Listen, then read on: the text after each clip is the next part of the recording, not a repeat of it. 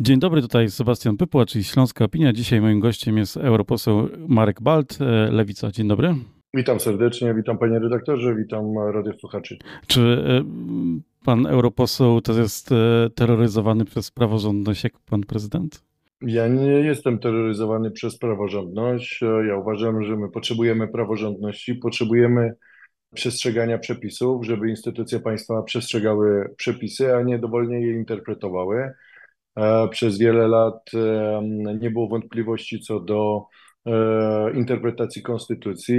Dopiero od czasu, kiedy rząd Prawa i Sprawiedliwości zaczął zmieniać instytucje prawa, instytucje wymiaru sprawiedliwości, nagle się okazało, że obowiązująca od wielu lat konstytucja jest niejasna, niezrozumiała i można ją interpretować tak, jak się chce, tak jak chcą politycy Zjednoczonej Prawicy. E, w mojej ocenie jest to e, droga do rozsadzenia systemu prawnego. Przypomnę, że w ogóle prawo, system prawa, ustawy to jest porozumienie społeczne. Umawiamy się na to, że będziemy mieli jakiś jednolity system prawny, że będziemy go przestrzegali, że instytucje będą rozsądzały nasze spory, a nie będziemy do siebie strzelać czy bić się po twarzy.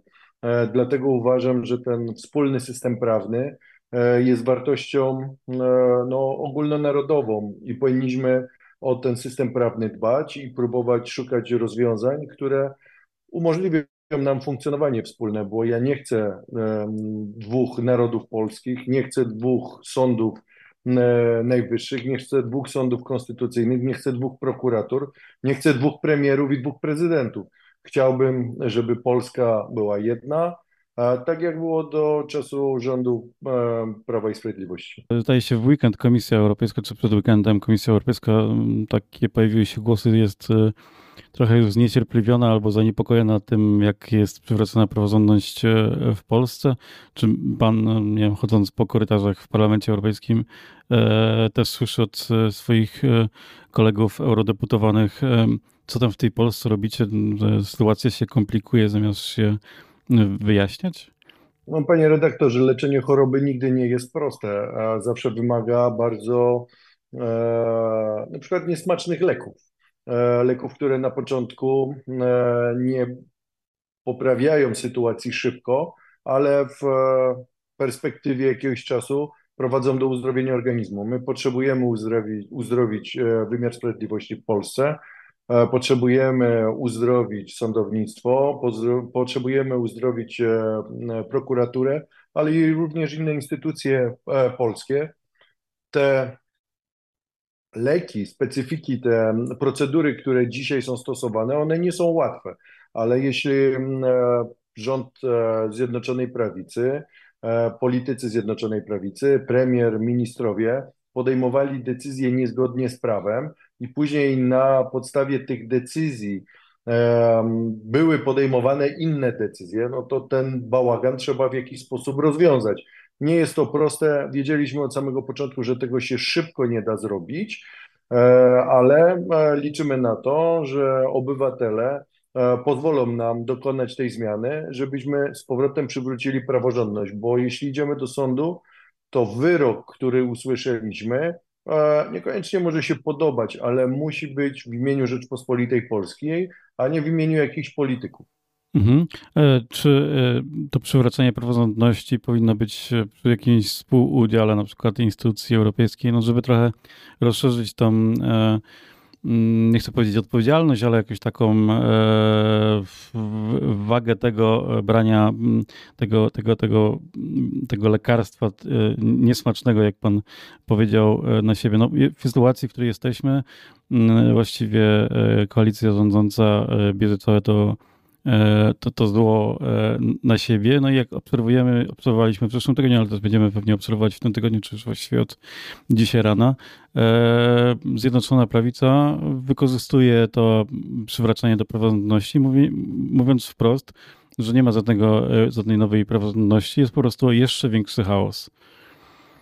Nie, panie redaktorze, nie potrzebujemy żadnej pomocy zewnętrznej. Zresztą Wymiar sprawiedliwości to wyłączna mm, domena państwa e, i tutaj Unia Europejska e, w żadnym wypadku nie będzie e, w zmianach prawa uczestniczyła w Polsce.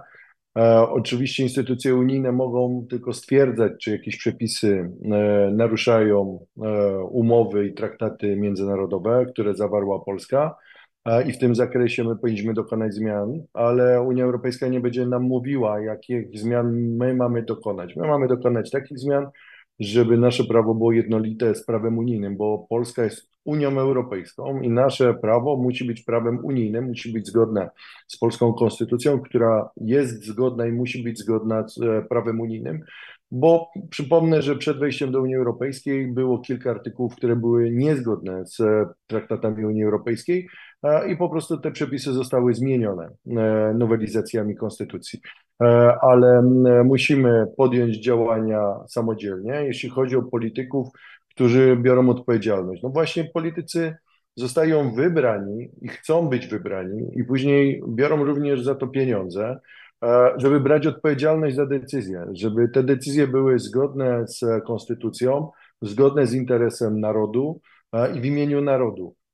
Jeśli nie będą tego robili w taki sposób, to poniosą odpowiedzialność. Po pierwsze, e, przy wyborach, gdzie ich wyborcy mogą na nich nie zagłosować. Po drugie, odpowiedzialność konstytucyjną przed Trybunałem Konstytucyjnym, jeśli konstytucję naruszą. Dzisiaj jesteśmy w trudnej sytuacji. Nowa koalicja, koalicja 15 października z tą sytuacją sobie poradzi.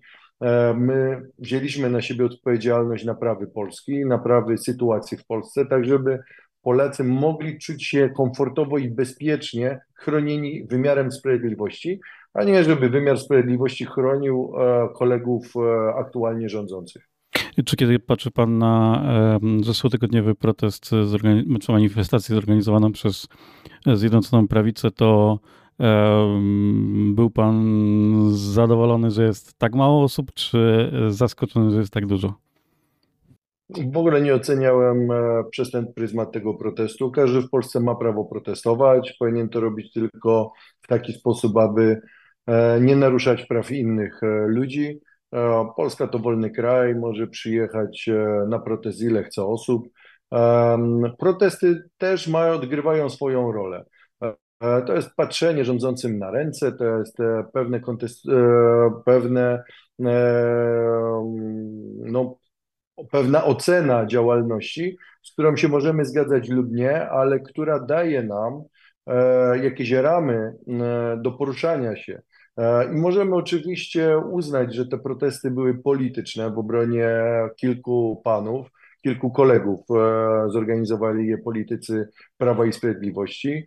E, używając argumentów, które no, nie przystawały do rzeczywistości, ponieważ e, to nie są więźniowie polityczni, tylko politycy, którzy pełniąc wysokie funkcje państwowe przekroczyli swoje uprawnienia, e, kierując instytucjami bardzo odpowiedzialnymi, które mają dbać o nasze bezpieczeństwo, oni naruszali przepisy prawa, chcąc sprokurować do popełnienia przestępstwa innych ludzi. Nakłanianie do przestępstwa jest przestępstwem, a jeśli czynią to urzędnicy e, państwowi, wysokiego szczebla urzędnicy państwowi, którzy odpowiadają za nasze bezpieczeństwo, to jest to bardzo e, negatywne jest to bardzo niebezpieczne, ponieważ nikt wtedy w Polsce nie może czuć się bezpieczny, e, ze względu na to, że my mamy mieć zaufanie do urzędników państwowych, do ludzi, którzy sprawują istotne funkcje w państwie, a nie się ich obawiać. Mhm. E, czy, e, mm, czy ten protest e, i, i ogłoszone też dzisiaj wybory, znaczy właściwie jeszcze nie ogłoszone, ale data mniej więcej zasugerowana, bo dokumenty dopiero, cały proces ogłoszenia wyborów dopiero ruszył. Czy ta mobilizacja po stronie Zjednoczonej Prawicy pokazuje, że tak jak w niektórych wypowiedziach Donald Tusk e, sugeruje, e, opozycja powinna pójść do tych wyborów samorządowych zjednoczona także? Czy w takich samych konfiguracji? Nie wykluczam takiej sytuacji. Lewica mm, zaproponowała wspólny start w wyborach samorządowych na poziomie sejmików, bo to są wybory podobne do wyborów parlamentarnych, e, do Sejmu, Senatu. Jest trochę mniej okręgów, te okręgi są trochę mniejsze, też w innych miejscach są e, rozmieszczone, e, ale dobrze by było, żeby obecna e, koalicja rządząca pokazała, że nadal dzierży rząd dusz, ma poparcie społeczne i te zmiany, które są dzisiaj wprowadzane w interesie Polski, one są akceptowane przez naszych wyborców. Potrzebujemy takiego wsparcia od naszych wyborców, bo to nam da tylko siłę do tego, żeby zmierzać, zmierzyć się jeszcze bardziej, jeszcze silniej, jeszcze mocniej z tymi wyzwaniami, które nad, e, przed nami czekają. Mhm. Najważniejsze, ja już wiem, że już minęło e, trochę czasu od powstania nowego rządu, ale myślę, że ciągle jesteśmy w tych studniach zapowiadanych przez Donalda Tuska. Mm, najważniejsze wyzwanie, którego pan osobiście oczekuje od tego nowego rządu, które nie wiem, jeszcze nie jest zrealizowane albo dopiero gdzieś e, powijakach czeka na realizację?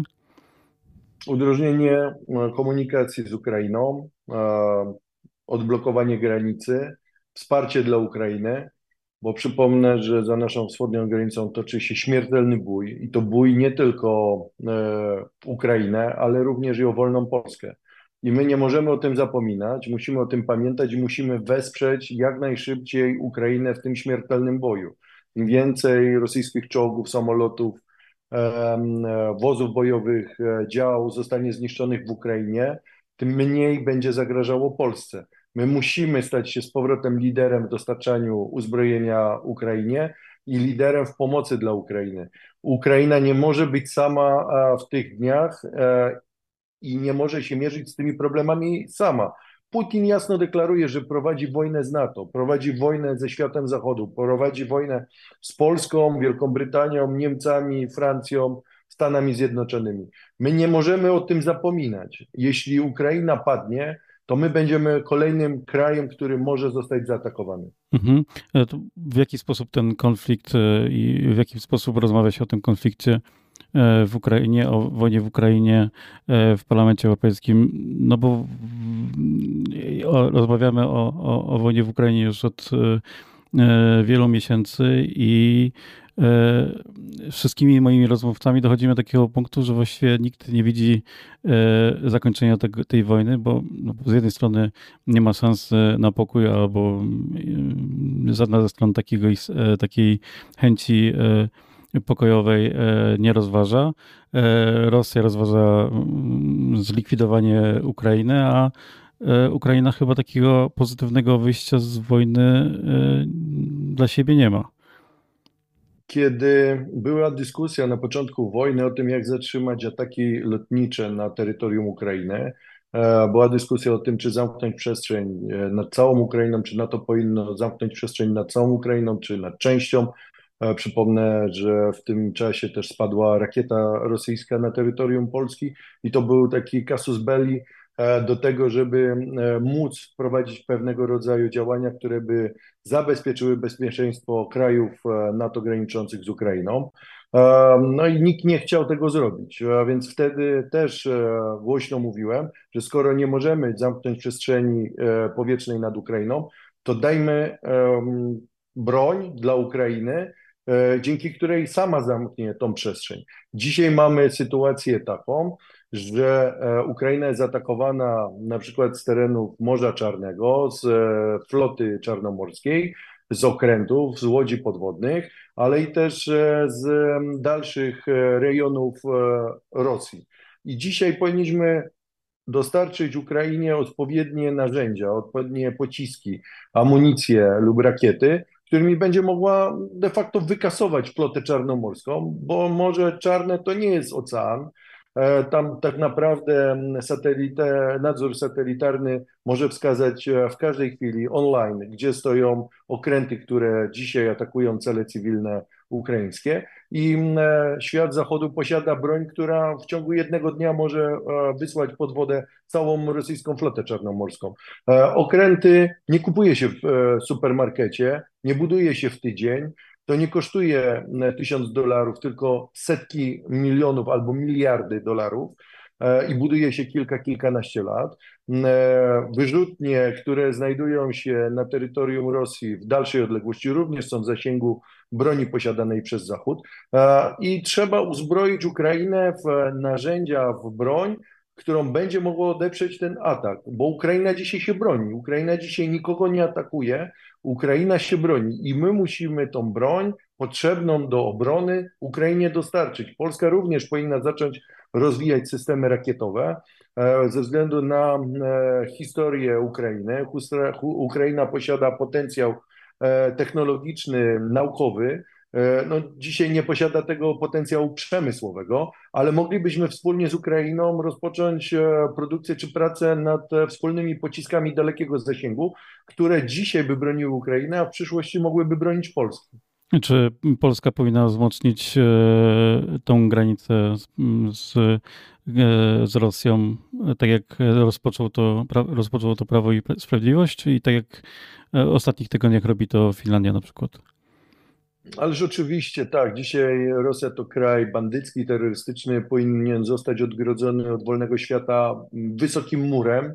E, powinno zostać wprowadzone embargo na transport, na prze, e, przesył towarów, e, na e, pieniądze, na e, finanse, na ludzi, żeby Rosjanie nie mogli wypoczywać na przykład w Europie czy w krajach e, Zachodu, żeby nie mogli się tutaj swobodnie poruszać. Ci ludzie, którzy popierają te bandyckie działania w Ukrainie, powinni odczuć, że nie są mile widziani w wolnym świecie. Nie powinni się tutaj bawić, nie powinni wydawać pieniędzy, nie powinni tutaj kupować domów.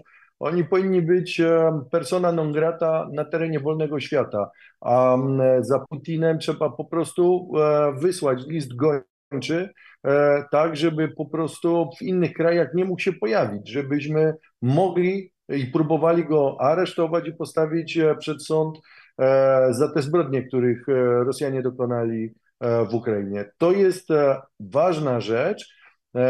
Również powinniśmy pomóc Ukrainie dochodzić na drodze prawnej odszkodowań za zniszczenia, których wojska rosyjskie dokonują w Ukrainie te środki rosyjskie, które są dzisiaj zamrożone na Zachodzie, powinny zostać przekazane Ukrainie i powinny zostać przekazane na cele odbudowy Ukrainy i na cele obronne e, Ukrainy. Mark Wald był naszym gościem. Dziękuję bardzo. Dziękuję uprzejmie. To był podcast zrealizowany przez Stian Media.